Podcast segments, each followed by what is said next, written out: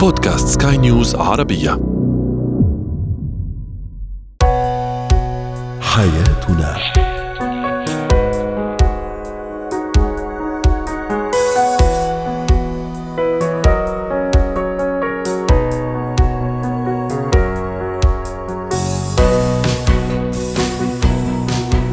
مستمعينا الكرام أهلا بكم معنا إلى حياتنا. فضاؤكم اليومي الذي يعنى بشؤون الأسرة وباقي الشؤون الحياتية الأخرى الذي يمكنكم الاستماع اليه عبر منصة سكاي نيوز dot com slash podcast وباقي منصات سكاي نيوز العربية الأخرى. شاركونا عبر رقم الواتساب 00971 561 8862 ثلاثة. معي أنا آمال شابة اليوم نتحدث عن الزوج المديون كيف تتصرف أو كيف على الزوجة أن تتصرف مع زوجها المديون.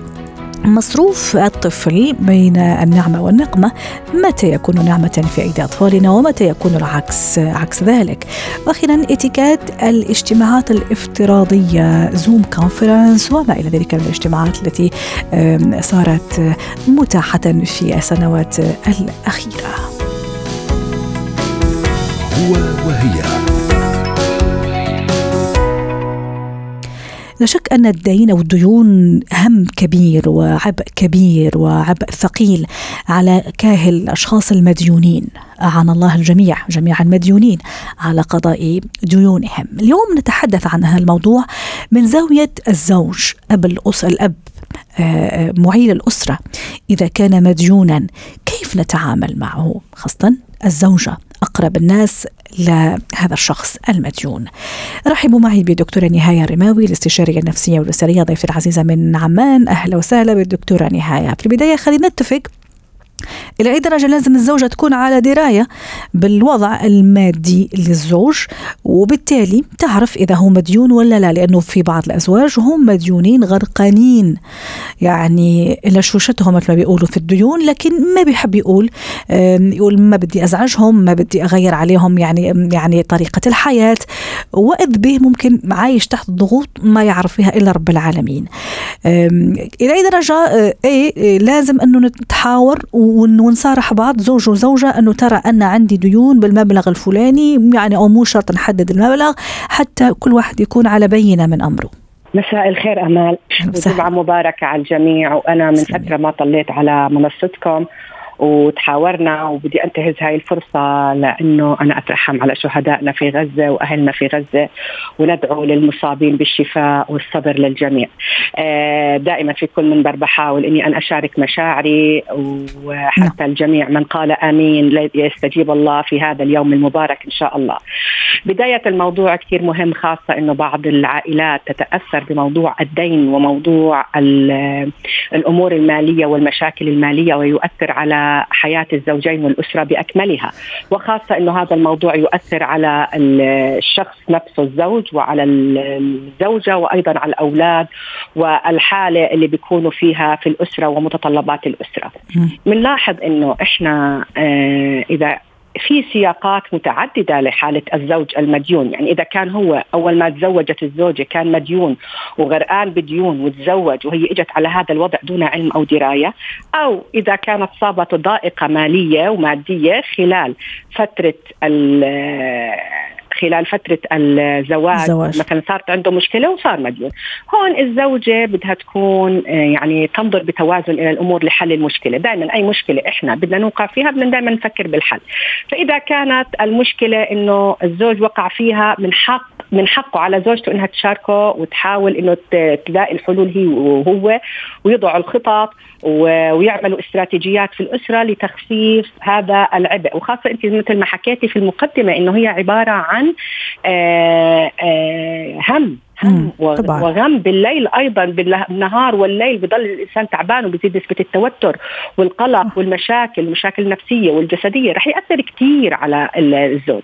صح. فكيف تتعامل الزوجة؟ زي ما حكينا في حسب السياق. إذا كان الزوج طبيعته مثلا حدا اتكالي حدا معتمد حدا مثلا بتدين وبدون ما يفكر بالعواقب بدون ما يفكر بتأثير ذلك على أسرته. يعني بيعتمد على خلل في شخصيته. بنلاحظ إنه هذا الشخص ما يعني بدها تبدأ تنظر في طبيعة العلاقة واستمرار الزواج لأنه المشكلة عنده بالتركيبة. يعني إنه غير مسؤول خاصة إذا دخلت على الزواج آه وهو مش مدرك إنه للأسرة في احتياجات وهو بكون مسرف مثلا أو بتدين وما عنده مصادر للدخل وهو إنسان كسول لا يعمل على حل مثل هذه المشكلات صح. المادية. يعني ما عنده خطة. ويتدين مو ولا شيء مثل ما بيقولوا يعني شيء فعلا راح يعملوا للبيت للأسرة لا.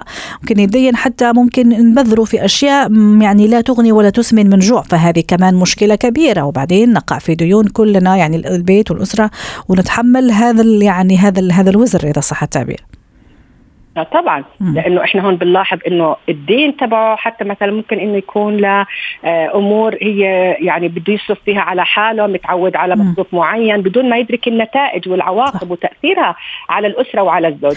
وهون كمان معلش عم تحكي نقطة كثير مهمة دكتورة نهاية. سامحيني قطعت كلامك. هون كمان تظهر حكمة الزوجة وحنكتها وخبرتها في في إدارة أمور الحياة لأنه في بعض الزوجات ممكن تساير. آه بالعكس. أوه ما هي مبسوطة. يلا دينا خلينا نسافر دينا مدري نشتري. نغير عفش البيت. في بعض لا حكيمات عندهم من الحكمة بمكان أنه لا ممكن ترجع يعني توقف تعمل نقطة نظام ونحكي ونتحاور وهذا يصير وهذا ما بيصير. طبعا. هلأ إحنا أمال زي ما حكيتي كمان بالمقدمة إنه آه، كي إنه هل من حقها إنها تكون عارفة آه. إنه شو وضعه المادي؟ آه طبعا. كونه إنه دخلنا على مؤسسة. هلأ في الشركاء في مؤسسة حتى لو كانت اقتصادية. من حق الشريك إنه يكون عارف إيش المقومات التي تقوم عليها هذه الشركة. صح. ومن ذلك الأسرة. الأسرة هذه المؤسسة. من حق الطرفين إنهم يكونوا على دراية بشكل حتى نقول يعني لو كانت بصورة مقربة يعني مش بصورة تفصيلية 100% بوضعية الاقتصادية لأنه زي ما نعم. حكينا هو ركن أساسي من ركائن الأسرة فهو من حقها إنها تعرف. إذا كان بخبي عليها وعم بكذب وعم بلف وعم بدور وبصرف وزي ما حكينا هو ما عنده عقلانية هنا تأتي حكمة الزوجة في إنها تدير الدفة في الأسرة وتمسك زمام الأمور المادية لأنه ممكن يكون الرجل ما عنده هذه الحكمة في التعامل مع الأمور المادية. وكثير من الأزواج بتكون عندهم هاي المشكلة. فتأتي هون الزوجة لتعوض هذا الدور حتى يحطوا خطة علاجية للمشكلة إذا كانت موجودة ودرهم وقاية زي ما بقول خطة وقاية إنه إحنا ما نرجع نغلط نفس الأغلاط ونتدين ويزيد الدين. ونحط خطة كيف إنه إحنا نسد هذا الدين نخفف المصاريف الكمالية نصير مثلا ممكن نستثمر بشيء معين نشوف الدخل اللي بيجينا ونعمل موازنة بين الدخل والمصروف. يعني بده يكون في اتفاق بين الطرفين للخروج من هذه المشكلة. زي ما حكيت إذا نعم. كانت مشكلة الزوج هي يعني يمكن المساعدة فيها لأنه هو ضحية. صح. وعلى فكرة في بعض الرجال فعلا يعترفون بذلك وما بيلاقوا أي مشكلة أو عقدة نقص أو انتقاص منهم إذا سلموا مثلا دفة الأمور المالية مثلا للزوجة. عرفتي كيف؟ أنه تفضلي هذا الراتب شوفي أنت كيف تقسميه. دام هي حكيمة ودام هي تمتلك من يعني الحكمة والقدرة أنه يعني تصرف يعني تصرف الفلوس في مكانها. دكتورة خلينا نروح إذا الأمور كانت تمام كانت آه، على ما يرام وفجأة يعني وقع هذا الزلزال المالي إذا صح التعبير وصار الزوج مديون. إيش حنكة المرأة هون؟ كيف لازم تبين؟ أها هلا أكيد رح تتأثر الزوجة نفسيا. والأولاد كمان. شعورها بالخوف والأولاد ومصاريف البيت ورح يتأثر طبيعة ال lifestyle أو الحياة اللي بيعيشوها والمتعودين عليها. هون يعني زي ما حكينا ببين معدن الإنسان. ببين إذا كان هو آه، هذا الشخص أصيل يستحق إنه آه إني أوقف معه. زي ما حكينا الزوجة الحكيمة هون إذا زوجها وقع بهذه المشكلة بدها تبدأ تفكر بالحلول وتخفيف الأثار المترتبة الأثار السلبيه المترتبه على هذه المشكلة. م. يعني إنه ممكن إنها تيجي آه، تخفف زي ما حكينا من أمور المصاريف الكمالية. إذا كنا بنسافر مثلا سفرات متعددة أو سفرة مثلا بالسنة إنه بالفترة اللي بنمر فيها بضائقه إنه نخففها. الأمور مثلا بتكون زائدة. ممكن انه تعمل على إنه تعمل أشياء تدوير في الأسرة. يعني في أكثر من طريقة إنها تبحث فيها حتى تحاول إنها تخفف من المصروف بعدين بدنا ندور على طريقة للسداد. يعني مش بس إنه نخفف المصروف هو بخفف المشكلة. يعني بخفف من الثقل. لكن إنه كيف أنا أحل هاي المشكلة؟ بإنه نلاقي مصادر دخل أو كيف أساعد زوجي أو كيف إني أفكر أنا وياه إنه كيف الطريقة لسداد هذا الدين حتى نخلص يعني بنخلص من هاي المشكلة أو نتخلص منها بيكون بإنه الجلوس مع بعض الحديث بشكل عام. وما بدي اخفيكي كمان أمال إنه لما تصير المرأة تشوف زوجها مديون هي شعوريا بتتأثر ممكن تصير هي عصبية ممكن تصير هي وياه مثلا في بينهم مشاكل تصير مكتئبة أو محبطة بشكل أو بآخر. فإحنا بنقولها هاي المشاعر طبيعيه بس ما تخليها إنها تزيد الطين بلة زي ما بنقول. يعني ما تزيد كمان المشاكل فوق ما في ديون بالعيلة في كمان مشاكل داخلية لأنه الفوضى الداخلية بالمشاعر وبالمشاكل ما بتخليك ما تنظر لحل المشكلة بطريقة سوية. فبدنا نحاول نسيطر على هاي الانفعالات على هاي المشاعر نحاول إنه نتخلص منها بطريقة حتى نركز على الحل ونزيد نسبة التركيز عندنا احتضان الزوج و... يعني أحسسه بالدعم وأحسسه إحنا بجانبك. صح. هذا الحكي بيخليه يفكر بطريقة إنه يخرج من هذه ممتاز. المشكلة إذا حكينا زي ما حكينا آنية احتضنيه اسمعي له طبطبي عليه آه، وإشراك الأطفال كمان خاصة إذا كانوا كبار بمك يعني واعيين. وأطفال بصراحة يعني ممكن إحنا فعلا يعني نوجههم بال يعني للشيء اللي بدنا إياه الشيء الكويس أنا أقصد. الأطفال كمان إشراكهم بشكل أو بآخر وزي ما تفضلتي كلمة من هنا طيبة من الولد الصغير على كلمة من البنوتة. لبابا أكيد أنا متأكدة مليون في المية أنه راح تخفف عليه ولو نفسيا. شكرا لك دكتورة نهاية أسعدتيني اليوم وأتمنى لك أوقات سعيدة. زينة. اليوم نحكي يعني ما رح نبعد كثير عن موضوع المال. وإن شاء الله يا رب يرزقنا جميعا. ونحكي هالمرة على المال لما يكون في أيد أطفالنا مصروفهم اللي آه، يعطيه بابا لأطفالنا ماما تعطيها للأطفال. آه، كيف يعني لازم يدار بحكمة؟ ومتى يكون نعمة آه، بالنسبة لهم ونقمة أيضا بالنسبة لأطفالنا؟ رحبوا معي بدكتورة لما صفدي اختصاصية النفسيه والتربويه ضيفتي من دبي. أهلا وسهلا دكتورة لما.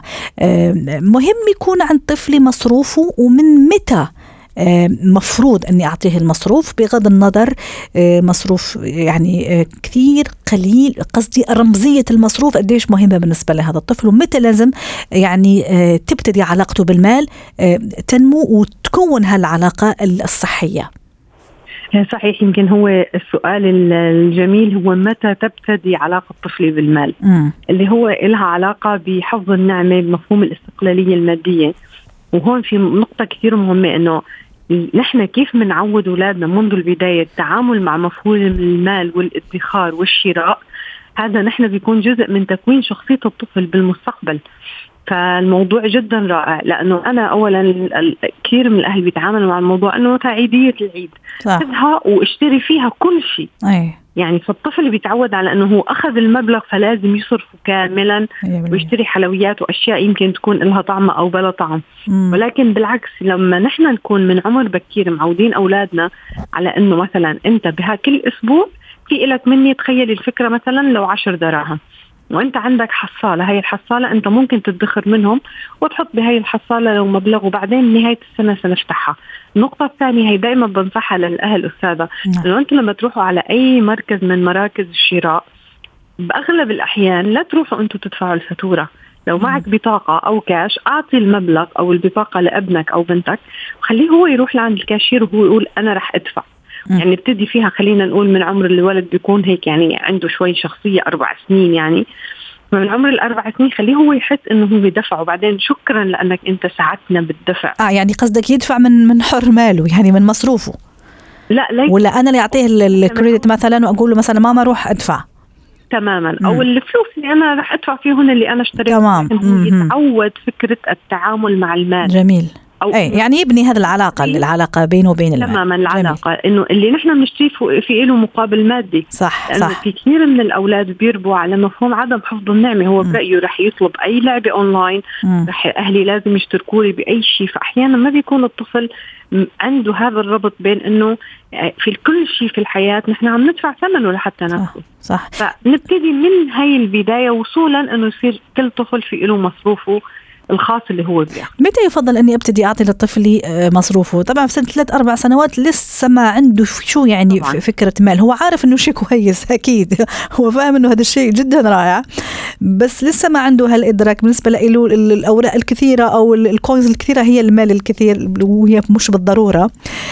متى يعني يفضل وينصح إني أعطيه فعلا مصروفه؟ وتبتدي آه، يبتدي أفهمه كيف الادخار كيف ممكن آه، أعطي للمحتاج؟ الزواج في مكان ما يعني كيف متى يبتدى ينصح بهذا الموضوع نحن بنبتدي بفكره انه هو مثلا روح ساعدنا بالدفع أو بنعطيه طيب عمر أربع سنين نبتدي هو يشارك معنا بمفهوم انه نحن كل شيء عم نشتري له مقابل تمام من عمر الست سنين اللي هي ممكن يكون دخول الطفل إلى المدرسة فعليا أو ممكن يكون في الصف الأول نبتدي مش بمصروف ولكن نحن يكون إنه هو مصروف الأسبوعي اللي هو يتعود يكون إنه عنده مبلغ من المال ومثل ما حكينا بأقل قيمة ممكنة ويتعلم مفهوم الادخار. نعم. ونعلمه إنه أنت لازم يكون عندك مكان تدخر فيه المال. هلأ فعليا كمصروف ممكن هو يكون شايل وهو يتعامل فيه.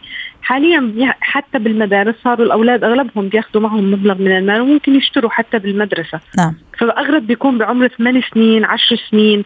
بهذا العمر اللي هو قادر إنه مثلا أنا لو أعطيته 50 درهم هو حيشتري وممكن يرجع الباقي. يعني بيكون مدرك لقيمة الفروقات المادية وقيمة المبلغ وكم هو رح يشتري وكم حيرجع. طيب وكمان نقطة مهمة قبل ما تفوتني يكون مدرك لأنه هالمال اللي عم أعطيه إياه أنا واللي هم هو كمان عم يدخر وكمان يجي نتيجة مجهود ها؟ صحيح. ما عم يجي كذا أفتح أنا باب البيت الصباح وبلاقي جرة من المال ومن النقود. صح. لا ماما عم تتعب بابا عم يتعب ف يعني عم تيجي بعد جهد وبعد آه، مجهود. دكتورة لما آه، آه، قديش مهم كمان إني أشركه؟ مثلا عيد ميلاد أخته لازم يساهم. عيد ميلاد بابا كمان حلو إنه يساهم. في شيء في العائلة رح نعمله مشترك. ليش لا؟ ممكن يحط له 10 20 درهم وحتى بمبلغ رمزي. صحيح. وهي هي النقطة بأنه هو لما يكون عنده مال خاص فيه وحتى يعني أنا بنصح الأهل كمان أنه حقيبة صغيرة اللي هي محفظة صغيرة انه أنتم تشتروها حتى لو بدأ يجمع فيها دراهم. ولكن حتى فكرة مثلا لو أنا كنت دخلت سوبر ماركت محتاجة علبة ماء مثلا درهمين أو أي شيء ماما ممكن أنت تعطيني من فلوسك؟ جميل. فكرة انه هو يحس انه هو بالاستقلالية. فممكن هو يشيل مثلا درهمين أو ثلاث دراهم ويعطيني أو خمس دراهم وأنا أدفع وخلص. لما أرجع البيت راح أرجع لك إياها. وعلى فكرة هو بيضل هذه للجميع بيحكيها إنه أعطيت ماما درهمين اشترت مي. تماما. يعني حملنا جميلها أسبوع. صحيح. أنا بتعامل فيها حتى مع بناتي. نحن عاملين نظام وهذا النظام دائما بنصح فيه الأهل. لا يجوز بكل مرة نحن نروح على أماكن شراء الألعاب نشتري أي لعبة بأي قيمة ممكنة. صح. نحن بنسوي اتفاق لما ندخل للمحل بيسالوا أول سؤال شو الليمت اليوم؟ مم. فهم تعودوا على الفكرة وهي بنصح فيها جدا الأهل. يعني مثلا بيقولوا شو الليمت اليوم م. إحنا ممكن نشتري فيه؟ فأنا مثلا خليني أقول لك مثال. أنا بقول مثلا 100 درهم باختصار. 200 درهم. م. حسب. واحيانا ما يكون أصلا أحيانا ما يكون عندي القدرة إني أجيب حتى بال50 أو 100 درهم اليوم ما في إمكانية صح؟ صح. فهي هي سؤال بداية على إنه نحن اليوم كم نملك وكم الحد الأقصى لنشتري. جميل. لما جربوها كثير من الأهل هالنصيحة.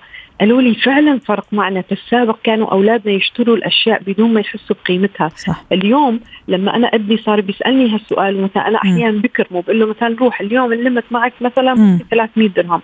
حتى لو 500 درهم أحيانا يعني ممكن يعلي. فقال لي بشوف آه. السعادة بشوف أو ممكن اشركه كمان مثلا الشغلة الأيتم مثلا ب 100 أنت 50 وأنا 50 أو يا معلش أنا 70 أنت 30 كمان هذا موضوع يعني إشراكه حتى يكون مصروفه كمان يعني يعني عم يعرف كيف كيف يتصرف فيه دكتوره لما شكرا لك سعدتيني وأتمنى لك أوقات سعيدة.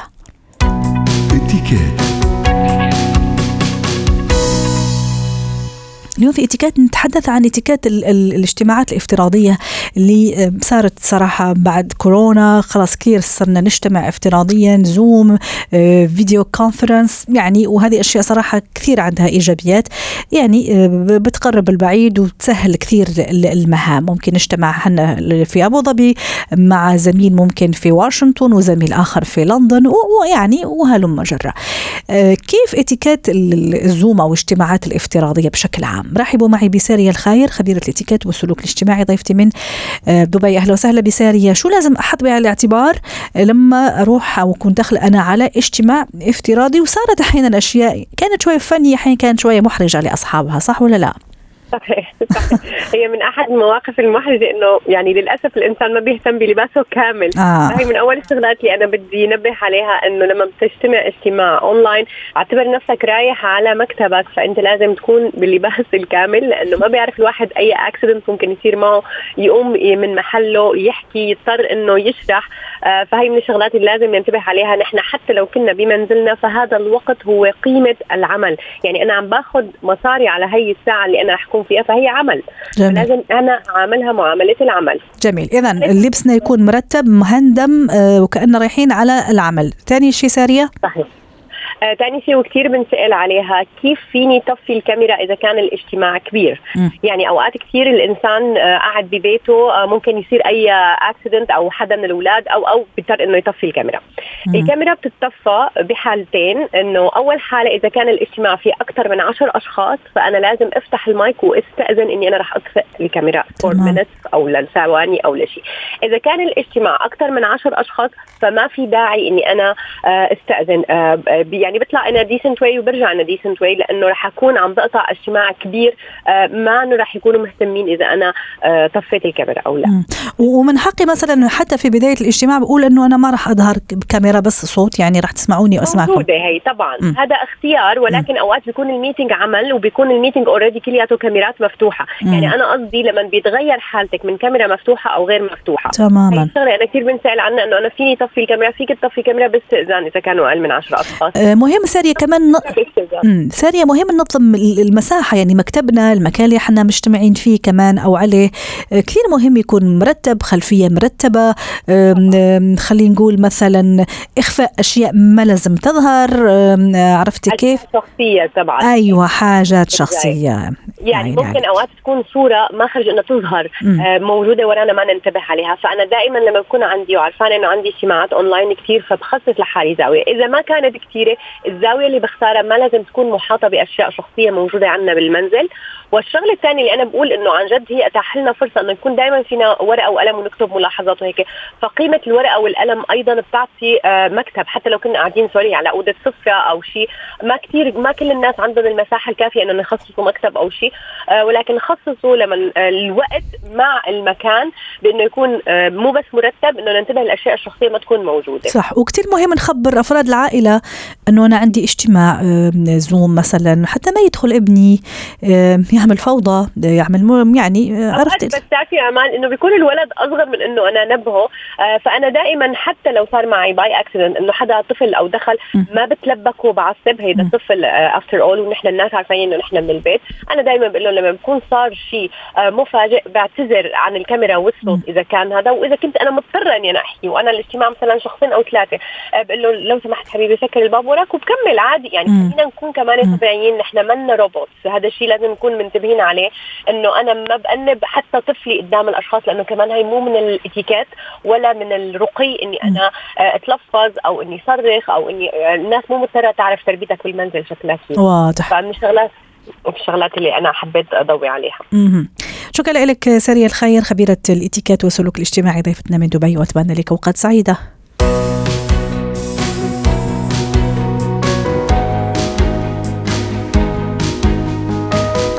ختام حلقة اليوم من حياتنا. شكرا لكم وإلى اللقاء.